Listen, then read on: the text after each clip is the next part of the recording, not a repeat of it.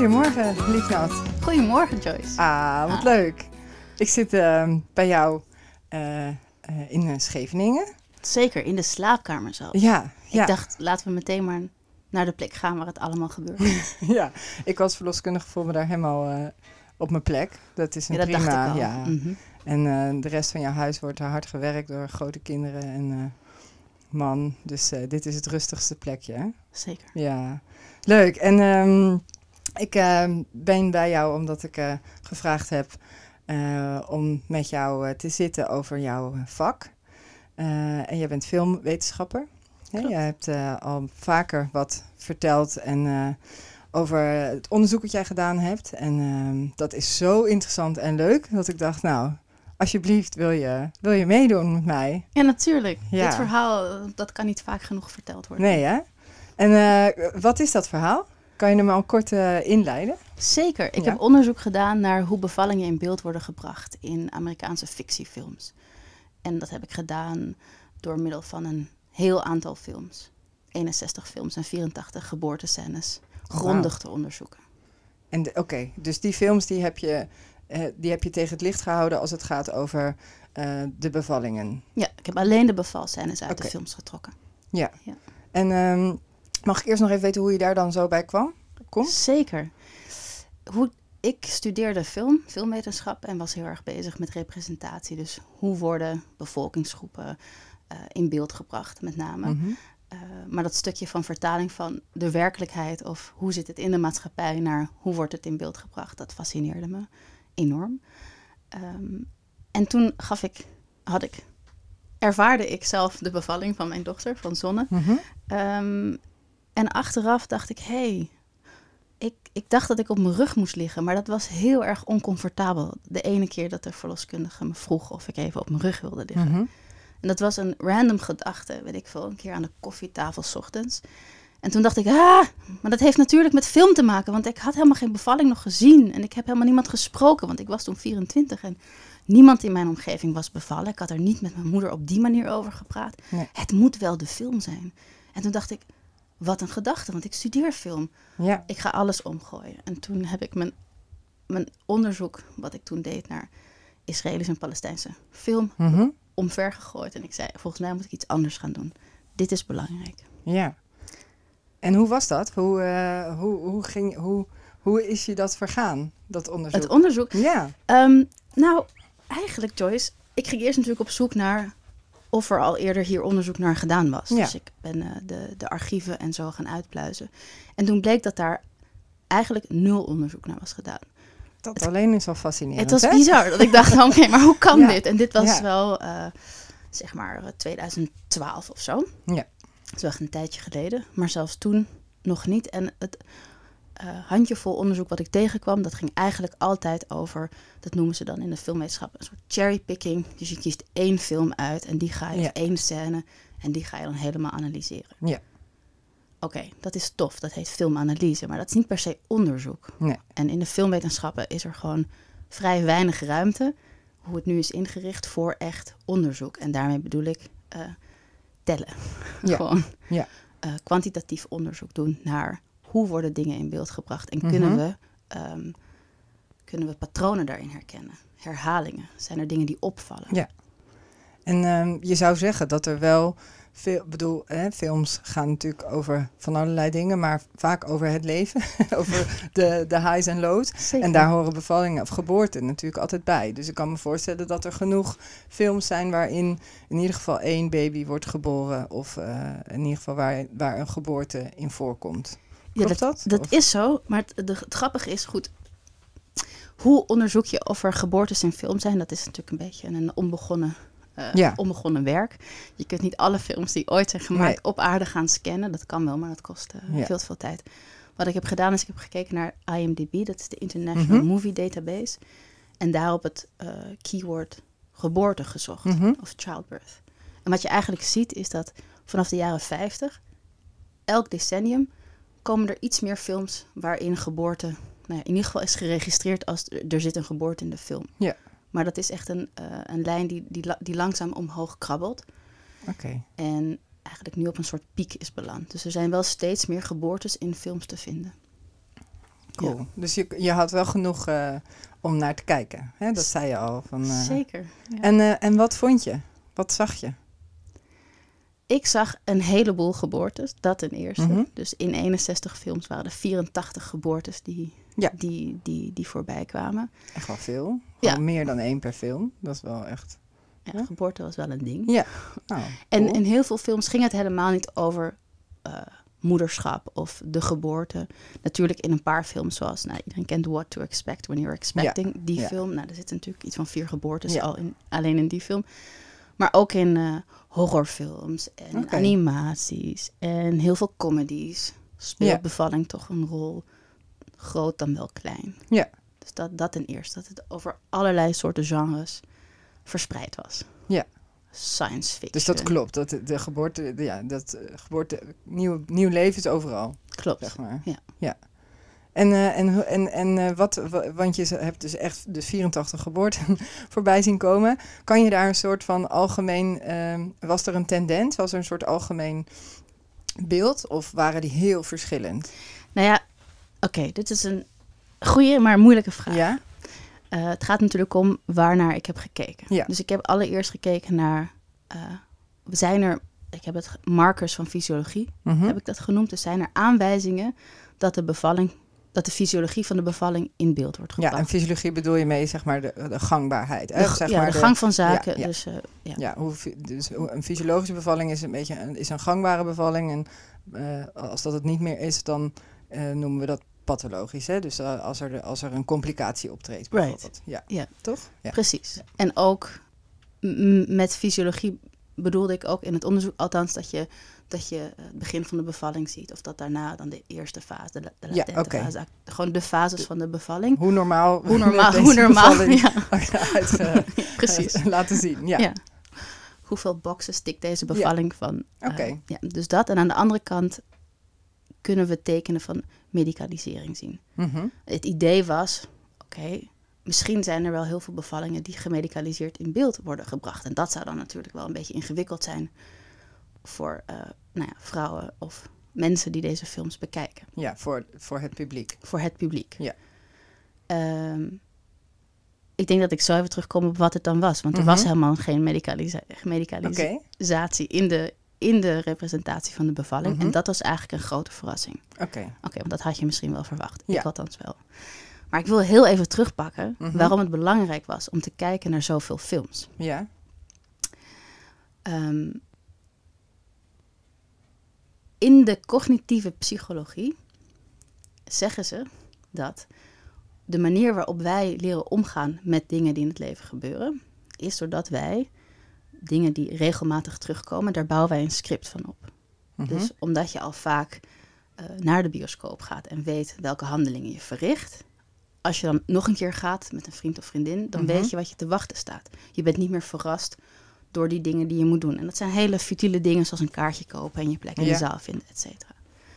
Nou is met bevallingen zo dat we eigenlijk, totdat we zelf gaan bevallen, of onze partner gaat bevallen, dat we geen baringen meer zien. Dus het is niet meer zo gebruikelijk Nee. dat we ofwel bij een bevalling zijn geweest, ofwel dat er zo ontzettend over wordt gepraat in de, op de manier van, zeg maar, die hele intieme Mhm. manier van over bevallingen spreken. Dus Ja. daar is een soort Een soort gat. kennisgat eigenlijk. Ehm, en wat ik heb bedacht, of in ieder geval dat is de, de aanname die ik heb gemaakt, soort Mhm. hypothese. Wat nou als die representaties van bevallingen, bijvoorbeeld onder andere in film, omdat je daar beeld en geluid hebt, dus dat komt vrij dichtbij Mhm. een, een, een echte bevalling, omdat je ja, meerdere Ja. ehm, sensen zeg maar aanspreekt. Kun je dan, zou dat, als je maar genoeg van dit soort bevallingsscènes ziet, helemaal niet dat je daar erg bewust van hoeft te zijn, ik zie een bevallingsscène, maar toch je brein Mhm. categoriseert het als ah, bevalling, plop. Ja. En dat je brein dan een script maakt van hoe een bevalling eruit hoort te zien. En dat dat, het script wat je dan hebt, dat dat van invloed is op jouw verwachting van de bevalling. Dus wat staat mij te wachten. Vervolgens op de ervaring die je hebt tijdens de baring. En dan tot slot je, de mate van tevredenheid over dat wat je hebt ervaren. Dat is eigenlijk, dat zit heel erg in die script theory hoek. Dus Ja. dat heb ik toegepast op het idee van, wat nou als we echt systematisch gaan kijken naar die bevalscènes, wat voor scripts komen eruit? Ja, wat doet dat met ons eh, beeld van bevallen? Ja. En ook met je verwachting als je... En eigenlijk en op een onderbewust Ja, niveau. Want, ja. want natuurlijk zijn de gesprekken vaak van... oh, je bent zwanger. Of ik ken iemand die zwanger is. Zou die wel deze film moeten kijken, ja Mhm. of nee? En mijn antwoord is eigenlijk... het gaat niet zozeer om die ene film... eh, maar wat jij in eigenlijk je hele leven al... vanaf dat je films begon te kijken... Ja, om voor alle input. films. Ja, alle films. Alles alle input. ja. Want je brein is daarvan iets aan het opslaan. Je slaat het op. Ja, oké, ik begrijp je. En, eh, en, en, wel, en dan nog, eh, nog een keer, wat zag je? Ja, nou, wat ik zag dat vrouwen geen autonomie hebben, dus geen handelingsbevoegdheid. Dat noemen ze in de film agency. Dus een vrouw was niet de, de baas, zeg maar, in de situatie. Hoe, eh, hoe zie je dat? Ik, denk- ik denk dat ik er wel een beeld van heb, maar zeg maar, wat, was, wat is voor jou het ultieme beeld van een vrouw die geen autonomie heeft tijdens de bevalling? Nou, ten eerste is dat iedereen om haar heen vertelt wat ze moet doen. Dat, is eigenlijk, dat ligt eigenlijk aan de basis ervan. Ja. Dus dat haar wordt verteld wat ze moet doen, hoe ze dat moet doen, hoe ze moet ademen, hoe ze moet liggen, wat ze moet doen. Eh, met name hoe ze moet eh, pushen, Mhm, hoe ze ja? de baby eruit moet krijgen. Maar het gaat op nog veel, eh, dit zijn dan best wel overduidelijke Mhm, feitjes. Maar de autonomie van de vrouw wordt op veel meer plekken eh, ondermijnd, eigenlijk. Dus als we gaan inzoomen, mhm. dan kunnen we daar, eh, kunnen we daar even op in. Ja. Even kijken, waar zullen we in godsnaam beginnen? ik zit even na te denken. Nou ja, kijk, die autonomie is natuurlijk wel. ik denk dat steeds meer zwangeren daar ehm, over nadenken en bij stilstaan. Vandaag de dag. Ehm, hè, dus dat, eh, eh, dat is sowieso eh, een goed punt. En ehm, volgens mij is dat ook wel heel lang, als het gaat over bevallen, wat ook wel het beeld is geweest van. En nog steeds hoor ik dat, hè, als vrouwen heel snel bijvoorbeeld bevallen. En ik kom op de laatste vijf minuten van dat de baby bijna geboren is, nog net op de valreep binnen. Dan zegt ze, nou, maar ik ben wel heel blij dat jij erbij was. Want, hè, en dan associëren ze met, want daardoor is het goed gegaan. Right. Snap je? Dus Mhm. Ehm, namelijk dus die rol van de hulpverlener, ehm, eh, eh, dat, die is ook, ja, ook in het dagelijks leven. Ik bedoel, natuurlijk is het fijn dat er iemand, eh, eh, dat er een professional bij is als je gaat bevallen of zo, maar niet, ehm, zeker niet bij hele snelle bevallingen is dat echt niet per se de sleutel tot een goede afloop of zo. En dat is toch in films die rol van die zorgverlener of de dokter, hè, de oude man met de witte jas. Hè, meisje, ik vertel je wel, ik zorg dat jij nu veilig gaat een, een gezonde baby krijgt Ja. of zo. Volgens mij is dat wel echt een, een, een topic wat interessant is. Ja, maar de grap is dus dat het dus niet die oude man met die baard per se is. Het is letterlijk... le- want, want in de films die ik heb bekeken, daarvan was iets meer dan de helft eh, gebeurde in het ziekenhuis. Oké. Oké. Dus dat betekent dat iets minder dan de helft was ofwel thuis ofwel op andere locaties. Mhm. Dus er was niet altijd een dokter Nee, of een gynaecoloog. Maakt niet uit wie erbij was. Het kan je buurjongen zijn. Het kan er zijn films waarin een vrouw wordt overvallen. En de overvallers Ja. gaan vervolgens die bevalling tussen haakjes doen. Ja. Of eh, in The Dictator eh, is het de... Nu ben ik zijn naam vergeten. Van De acteur. acteur Sacha Ba- ja, Baron, Ba- Baron Baron Cohen. Cohen. Ja? Die, die, die dus de dictator is. En Oh, ja. die in die supermarkt eh, soort van... Iemand verlost. ja, die, ja, letterlijk. Ja. En de- heel intens. In ieder geval, de boodschap is, het maakt niet uit, het hoeft niet eens een dokter te zijn. Nee, maar iemand anders. Iemand anders dan de vrouw, Ja. die weet het. Want zij weet het niet. Ja, dus dat is jouw, een van jouw hoofdconclusies.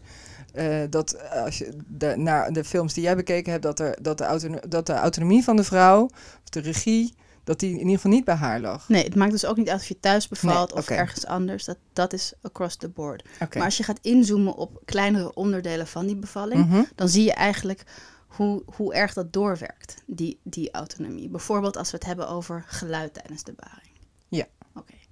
Goed. Er is geen goed of fout geluid, dus we hoeven het niet te gaan hebben over, nou, dit is een goede representatie, dat is Nee. een slechte. Daar gaat het niet om. Nee. Waar het om gaat is dat in zeg maar 85% of zo van de, van de, eh, van de bev- bevalscènes is het enige geluid wat je hoort een schreeuw. Ja. Wanneer de vrouw iets anders doet, een ander soort geluid, dan is dat voor het grootste gedeelte van de tijd. Vertelt een ander haar hoe ze moet ademen, wat ze moet doen. Da, da, da, da, da. Oké. Vervolgens is er nog iets anders. Namelijk niet dat ze, ze schreeuwt niet.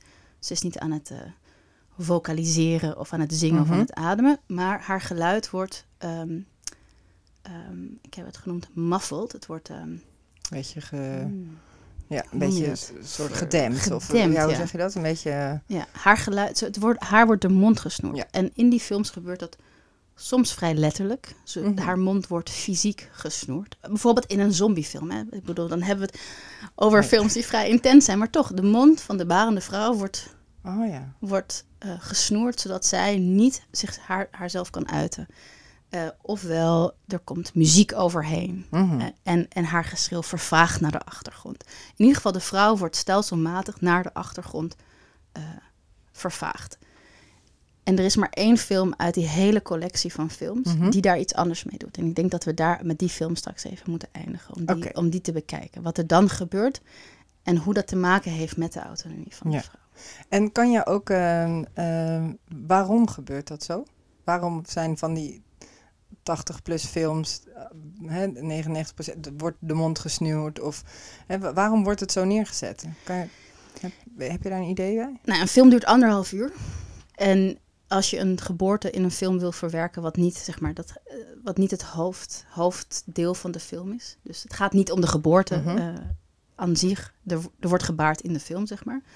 Dan in filmtaal wordt er dan altijd gezocht naar een zo kort mogelijke eh, representatie. Dat heet Ja. een synecdoche. Dat is een klein stukje wat staat voor het geheel. Ja. En wat je bij baringen ziet, is dat, de dat er een vrouw is die op haar rug ligt en die schreeuwt. Dus Mhm. dat is het ultieme beeld blijkbaar in onze Ja, en dan maatschappij. kunnen we weer door naar de volgende scène. En dan Ja. weet iedereen, er is iemand bevallen. Precies. Zo. Dus het is Ja. gewoon heel praktisch. Oké, goed. Hey, en wat mij ook altijd opvalt, liefnaad, is het de paniek. Ja. Dus de, ehm, eh, want daarvan hoef je toch niet... Ja, blijkbaar is dat dus niet een goede... eh, als er geen paniek is, is het dus blijkbaar geen goede bevalscène in, in een film. Maar dat vind ik, dat vind ik zo fascinerend. Ja. Eh, dat er, er is altijd angst, of in ieder geval paniek. Eh, Of het nou bij de vrouw zelf is, of, of haar partner, of de dokter. Maar in ieder geval... ehm, eh, ja, dat, nou ja, dat, als ik er zo over nadenk, dan valt me dat altijd nog op. Dat ik denk, ja, Hallo. Waarom? Waarom? ja. Ja, dat is zo. Nou, het is ook wel een live event, daar niet van. Maar het is ook spannend, maar paniek is wel weer een andere emotie. Ik zie in paniek heel vaak zeg maar de haast. Ja. Dus het vertaalt zich naar, naar, naar, naar haast Ja. in, in veel films. Zo van, Ja. oh, en ook onwetendheid. Ik weet niet wat ik moet doen. Ik haal daar iemand bij Ja. die het dan wel weet. Dus het gaat heel erg over het niet weten en wie er dan wel de kennis zou hebben. Wederom nooit de vrouw zelf. Nee. Eh, maar die haast die eronder zit, Mhm. dat is me ook heel erg opgevallen. Ja. Ehm, en wat er wegvalt eigenlijk, als je kijkt naar welke fases van de geboorte komen nou in beeld, Mhm. dan is logischerwijze zeg maar de uitdrijving, dat, nou, waar we het net over Ja. hadden, dat is natuurlijk het moment, dan zie je, oh ja, check, er is een baby eraan. geboren. Ja. Logisch. Ehm, maar wat echt niet wordt getoond, is die ontsluitingsfase. Het is eigenlijk een fase die eh, niet interessant wordt geacht om, om te tonen. Nee. Dus wanneer dat gebeurt, dan wordt er vaak weggesneden naar... Oké, die vrouw is aan het baren en in een andere kamer gebeurt er dit. Of in een andere scène van een ander personage gebeurt er iets. Wordt er weggesneden. Dus het stuk waar rust zit mogelijk en Mhm. waar wee, rust, wee Ja. is, eh, dat wordt niet getoond. Nee. De vraag is waarom. Daar hebben we eigenlijk niet echt een antwoord op. Dan moet je in de hoofden van filmmakers Ja. eh, klimmen. Misschien is het te saai. Misschien is het te saai, maar er zit nog iets anders. En ik denk dat het te maken heeft met de seksualiteit van de vrouw en van de baring.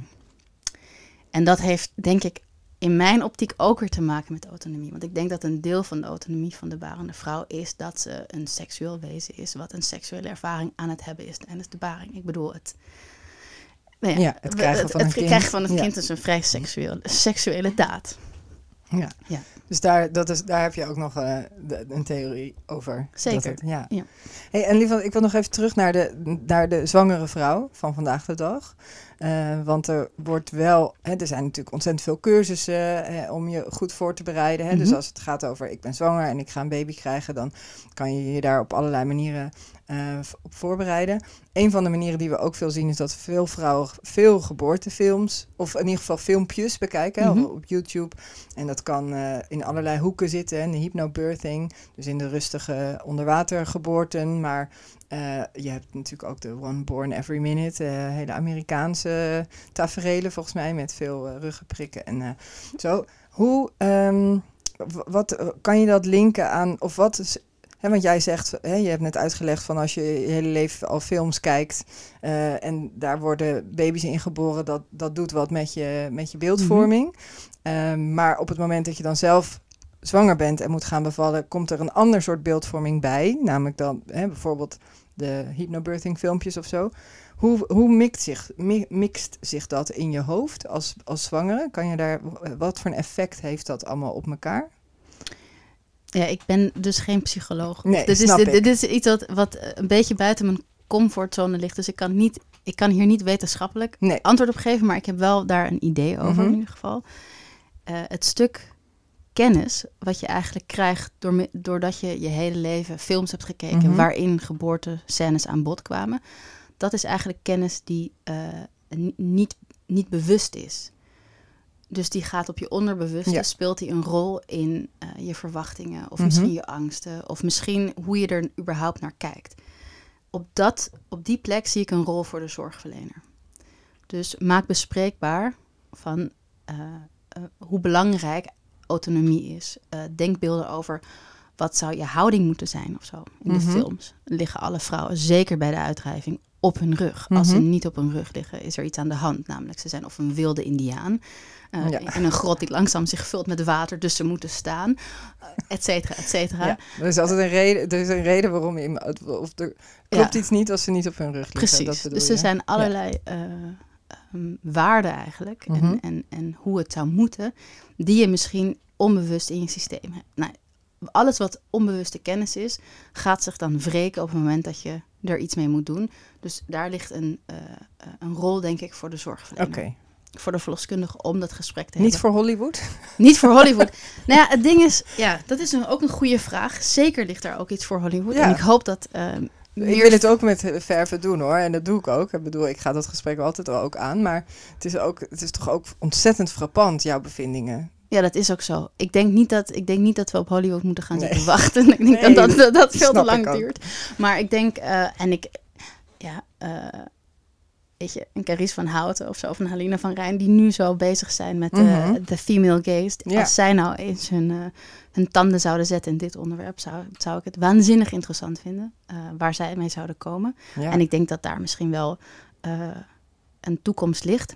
Maar tegelijkertijd, ehm, ja, dingen die er gemaakt worden, hebben natuurlijk ook hun. eh, hebben te maken met een bepaalde werkelijkheid. Dus er is natuurlijk een bepaalde culturele gedachte. Ja. En die is natuurlijk wel duidelijk, Ja. ook in Nederland, dat vrouwen misschien eigenlijk niet zo goed weten hoe ze moeten baren. En dat het misschien wel verstandiger is om misschien toch onder begeleiding van. Ja. En dan misschien ook toch in het ziekenhuis. Ik bedoel, dat zijn wel tendensen die in de samenleving Ja. leven. En dat zien we ook aan de cijfers.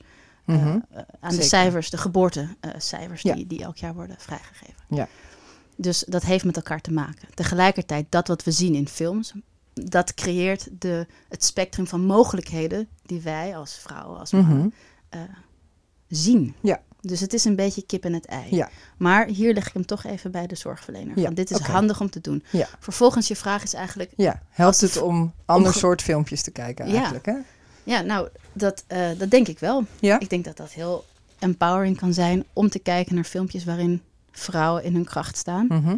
Ehm, en ook weer daar denk ik dat. En daarom is wel is een zorgverlener gewoon wel echt belangrijk. Want Ja. daar hebben we het natuurlijk ook over gehad. Zeg maar, Mhm. Wat is de rol van een, van een zorgverlener? Waar, waar, waar kun je het verschil maken? Ja. Ik denk toch om dat ook te bevragen. Dus eh, dat het uiteindelijk, het belang ligt, erin, ligt hem erin dat de vrouw autonomie heeft. En Ja. dat ze handelingsbevoegd is. En dat, dat een heel, en dat ze dus ook verantwoordelijk is voor, voor wat ze aan het doen is. Mhm. Dus de- en dat zijn, ehm, dat zijn niet per se waardes die, die, die vrouwen aan zichzelf eh, geven. Laat ik zo zeggen, het is, het is, het is nogal wat om je eigen autonomie te claimen. Mhm. En als dat al niet van je wordt verwacht, dan is Ja. het dan makkelijker om dat uit handen te Ja. geven. En dus als je filmpjes gaat kijken, minder nog dan hoe, of het nou een watergeboorte was Ja. of een hypnobirthing of Ja. whatever, hypno, eh, had de vrouw autonomie? Ja of nee? En, en dat is waar het om gaat. En dat kan ook in een ziekenhuis eh, eh, context zijn. Ja. En, en daar moet het gesprek over gaan. Nou, en wat ik uit de praktijk merk, is dat iedere vrouw hem uiteindelijk wel eh, heel graag pakt. Hè, dus het is niet zo dat het er niet... Het is alleen dat beeldvorming of wat er in je omgeving al is gebeurd... of wat je hebt, welke verhalen je al hebt gehoord. En natuurlijk is het per mens ook verschillend... want de ene vrouw ehm, zit, heeft dat sneller, heeft die autonomie sneller gepakt, de regie dan de ander. En dat heeft natuurlijk heeft met allerlei factoren te maken. Maar als je hem eh, in the end wil iedere vrouw heel graag als ze zwanger zijn, eh, zeggen ze: ik, wil, ik zou heel graag mijn kind aan willen pakken. Hè? En ik zou heel graag willen beslissen ehm, wie er wel en niet bij is. Of, hè, dus eh, er is nooit iemand die zegt: Oh, nou ja, dat, daar, daar heb ik allemaal niet over nagedacht, hoef ik ook allemaal niet of zo. Dat, Nee. in the end nooit. Hè? Misschien wel de eerste 26 weken of 30 of zo. Hè? 38. Ja, zoiets. Maar in die end is het Ja. natuurlijk... eh, het, eh, ja, als je eh, daarin als hulpverlener... maar ook als zus of als vriendin of whatever... maakt niet uit wie je Ja. eigenlijk bent... maar als je daarin toch eh, wel eh, eh, prikkelt... of in ieder geval handreikingen doet... of het in ieder geval benoemt. En, en dat is ook wel... ehm, dat vind ik als verloskundige wel heel fijn aan alles. Ik bedoel, soms vervloek ik ook wel alle informatie die er is voor Mhm. alle zwanger hoor. En denk, want heel veel is toch ook niet altijd helemaal waarheidsgetrouw. Of nou, daar hebben we het nu ook over als het over films gaat. Maar toch is het ook fijn dat ze heel veel, dat ze ook heel veel andere informatie en ehm, eh, ja, bewustwording ze Ja. ook weer toekomt. Dus, en, en heel veel zwangeren zijn daar toch ook nieuwsgierig naar. Zeker. Ja, Ze zijn dat ook aan het Ja. uitzoeken. ja. Dus eh, in die end, ho- ja, hè, als, als hulpverlener doe ik dat heel graag. Maar Ja. ik denk dat het ook dat de zwangeren zelf ook eh, daar wel echt voor openstaan. En Uiteindelijk zelfs een beetje hongerig naar worden. Ik denk dat de framing ervan heel erg belangrijk is. Want Ja. bijvoorbeeld, ik heb veel eh, de film eh, These Are My Hours Mhm. van Scott Kirstenbaum Ja. eh, vertoond. En daar gesprekken met zwangeren ook over gehad. En nou is het zo dat als je het framet als in, nou, dit is nou echt een goede bevalling. Want kijk, ze doet Mhm. het, eh, ze heeft autonomie en ze doet het gewoon zelf. En Ja. kijk nou, je ziet haar en de baby uit haar vagina komen. eh, in één shot, wat in de films nooit gebeurt. Want dan zou je een tweekoppig monster hebben. Ja. Dat, is echt, dat is echt freaky, dat doen we niet. Nee. Oké. Ehm, eh, dat is heel triggering voor sommige vrouwen. Ja. Want heb ik het dan fout gedaan? Of is dit nou hoe het moet? Mhm. En en daar, zit, daar zit natuurlijk ook heel veel pijn. Daar zit heel veel twijfel. Ook over onzeker. onzekerheid. Ja. Ehm, dus ik denk dat de begeleiding van... eh, Oké, je gaat nu films kijken. Mhm. Tuurlijk kan je, je kan het internet aandoen en je kunt gewoon gaan googlen. Maar een stukje begeleiding of zelfbegeleiding, Ja. zeg maar van jezelf voor jezelf, ehm, dat dit een bevalling is. en, Mhm. wat, en, en ook dat je kunt begrijpen, oké, maar wat, wat zien we hier wat waardevol is? Ja, dus context. Context Ja. is belangrijk in het Hey, kijken. en je zei net van er was één film die. eh, Ja. eh, was, is dat die, deze film? Nee, die dat je is, niet, nee, dat is Oh, niet deze film. Want deze film is een documentaire. Oké. Ja, en dat is heel bijzonder, want de vrouw die... eh, de voice-over is ook haar stem, zeg maar. Zij vertelt wauw, het verhaal ja. en dat, dat De vrouw die daar baart in, haar, in die film, hè? Ja, ja. en dat is voor het eerst in de geschiedenis van de, van de cinema dat dat is gebeurd. Dus dat was een, wauw. een hoogtepunt. Ja. Nee, de film waarover ik het heel graag wilde hebben is Wanderlust uit 2012, geloof ik. Mhm. Ehm, de achtergrond hiervan is eigenlijk dat wat ik net zei over de seksualiteit van de, of de, Mhm. van de vrouw en de sensualiteit van een, van een baring met de hormonen die eraan te pas komen. Ehm, ehm, en hoe dat met de, de, de vrouw en de autonomie van de vrouw te maken heeft. Maak een klein uitstapje Mhm. naar, voordat we er komen, nog één klein dingetje. Ja. Oké. Wat je ziet als je, eh, je ziet namelijk eh, wel bloed tijdens de baring. Eh, ook een beetje, eh, ehm, hoe heet dat? Ehm, Slijm. slijm, ja, en, en vruchtwater. Vruchtwater, en, maar ja. in één film is er poep. Maar goed, bloed is wel iets wat Mhm. we zien, maar nooit op de vrouw. Nee. Met andere woorden, de vrouw, zeg maar, een, bloed, een vrouw met bloed is gewoon best wel vies. Dat willen we niet zien. Dus Mhm. de, de gynaecoloog heeft tot aan, zit, tot aan zijn oksel zit hij onder het bloed, maar zeg maar de vrouw niet. Mhm. En wanneer we de vagina zien, dus de, de, de, de, crowning van, van het hoofdje, Mhm. Wanneer het hoofdje staat, dan gebeurt er iets in de montage waarbij je een close-up van het hoofdje die, dat staat en dan een close-up van het, gezi- het schreeuwende gezicht van de vrouw Mhm. en weer terug naar de vagina. We zien het nooit in één beeld. En, en wat dat eigenlijk is, dat is heel erg vergelijkbaar met pornografische eh, framing en editing. Oké, dus daar wordt ook de vrouw eigenlijk eh, uit elkaar Als getrokken onderdelen. als onderdelen. Je wordt een, een, een subject waarnaar, of een object waarnaar we kijken. Mhm. Je bent niet meer het subject. Ehm, dus dat even de achtergrond van zo wordt dat in de films getoond. Dus als er al iets van intimiteit is, is dat totaal gedepersonaliseerd. Oké. Mhm. Dus in die film Wanderlust hebben ze gebruik gemaakt van het feit dat eh, in een bevalling, zeg maar, de nou, oxytocine, je wordt een beetje zo, eh, een beetje high, een beetje heel liefdevol, je kijkt week uit je ogen. Dat hebben ze genomen als, zeg maar, het komische misverstand in de film. Dus de achtergrond van de film is dat er twee juppen, die eh, nou, zijn eigenlijk hun leven in New York zat en die Mhm. komen in een commune terecht. Oké, de jongen, de man uit de film, die, die krijgt dan de opdracht om met andere vrouwen te gaan zoenen. En dat lukt hem niet zo goed. Na zo'n akkefietje belandt hij buiten op een soort eh, veranda. Ja? En daar ziet hij een vrouw, hoogzwanger, zeer sensueel, is aan het bewegen. En ze Mhm. komt naar hem toe. En hij denkt, oh ja, oh, zij wil wel met mij. Oké, oké, interessant. Wat, wat moet ik hiermee? Oké, dit kan wel, dit kan wel. En je hoort haar zuchten. En ja, je hebt dus door dat ze aan het baren is en dat ze ja. heeft. Maar hij heeft dat niet door. Op het moment dat hij dat doorkrijgt, gaat hij er, gaat hij, schrikt hij helemaal. Wordt hij helemaal gek. Hij zegt, we moeten nu naar het ziekenhuis. Waar is je man? Paniek. Paniek. Ja. Nou, daar heb je de paniek. Paniek en zeggen wat er moet gebeuren. Mhm. Dus hij neemt controle Hij van de neemt situatie. het over. Ja. Precies. En zij zegt, nou ja, dat gaan we niet doen. Dit is echt, eh, dit kan ik gewoon. Dit ga ik ook doen. Maar in die, eh, in haar, dat moment voordat hij doorheeft wat er gebeurt, is het Mhm. een heel erg erotisch moment eigenlijk tussen hun. Hij denkt helemaal, oh my god, ja. En je ziet haar een soort van een dikke vette wee opvangen.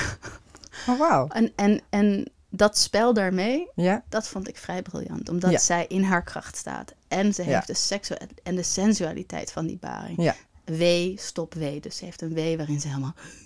Oké, en dan wordt. is het weer... En dan is het weer een beetje rustig en kan Ja. ze ook gewoon praten. Alleen vijf minuten later is het wel allemaal weg. De, de, de, nee, ze baart daar on the, Oh, on- nee, goed. ze baart daar on the porch. Hij maar neemt hij, haar maar niet hij, mee in de, in de taxi naar het Nee, ziekenhuis. jammer, maar hij valt wel flauw. eh, Dat gebeurt dan natuurlijk wel. Ja, goed. Ja, en goed. En dat is dus wel eh, uiteindelijk een freakshow bevalling. Maar eh, wat het leuke hiervan is, is dat de regisseur heeft deze film natuurlijk, eh, of natuurlijk, die heeft dat aan een testaudience Mhm. laten zien. En hij zei specifiek over deze scène, de helft van de mensen liepen weg bij deze scène. Oh. Ja. Want dat vonden ze absoluut niet kunnen. Ja. En toen wist hij, oké, deze ga ik erin houden. Oké, dus dat, daar was hij nog wel... Daar was hij tevreden mee. Daar met was hij dat, tevreden eh, mee. Met die reactie. Maar Joyce, van dus 84 geboortescènes is er maar eentje Ja. waarbij de vrouw en in haar kracht staat en dus ook sensueel is en Ja. zeg maar dat, dat stuk van de baring eh, eh, een, plek krijgt. En welke, wil je hem nog één keer herhalen? Welke film is het? Wanderlust. Wanderlust. Ja. Oké. Ja, dus dat, ehm, dat is de, de conclusie van... een van de conclusies van jouw onderzoek. Een tijd geleden. Dat van de 84 films er één autonomie eh, wordt behouden. Zeker. Oké, werk aan de winkel. Ontzettend veel. Toch? Ja, ongelooflijk. Dankjewel voor deze uitleg. Te gek. Alsjeblieft. Zo interessant. Dankjewel, Lieve. Geen dank. Doei.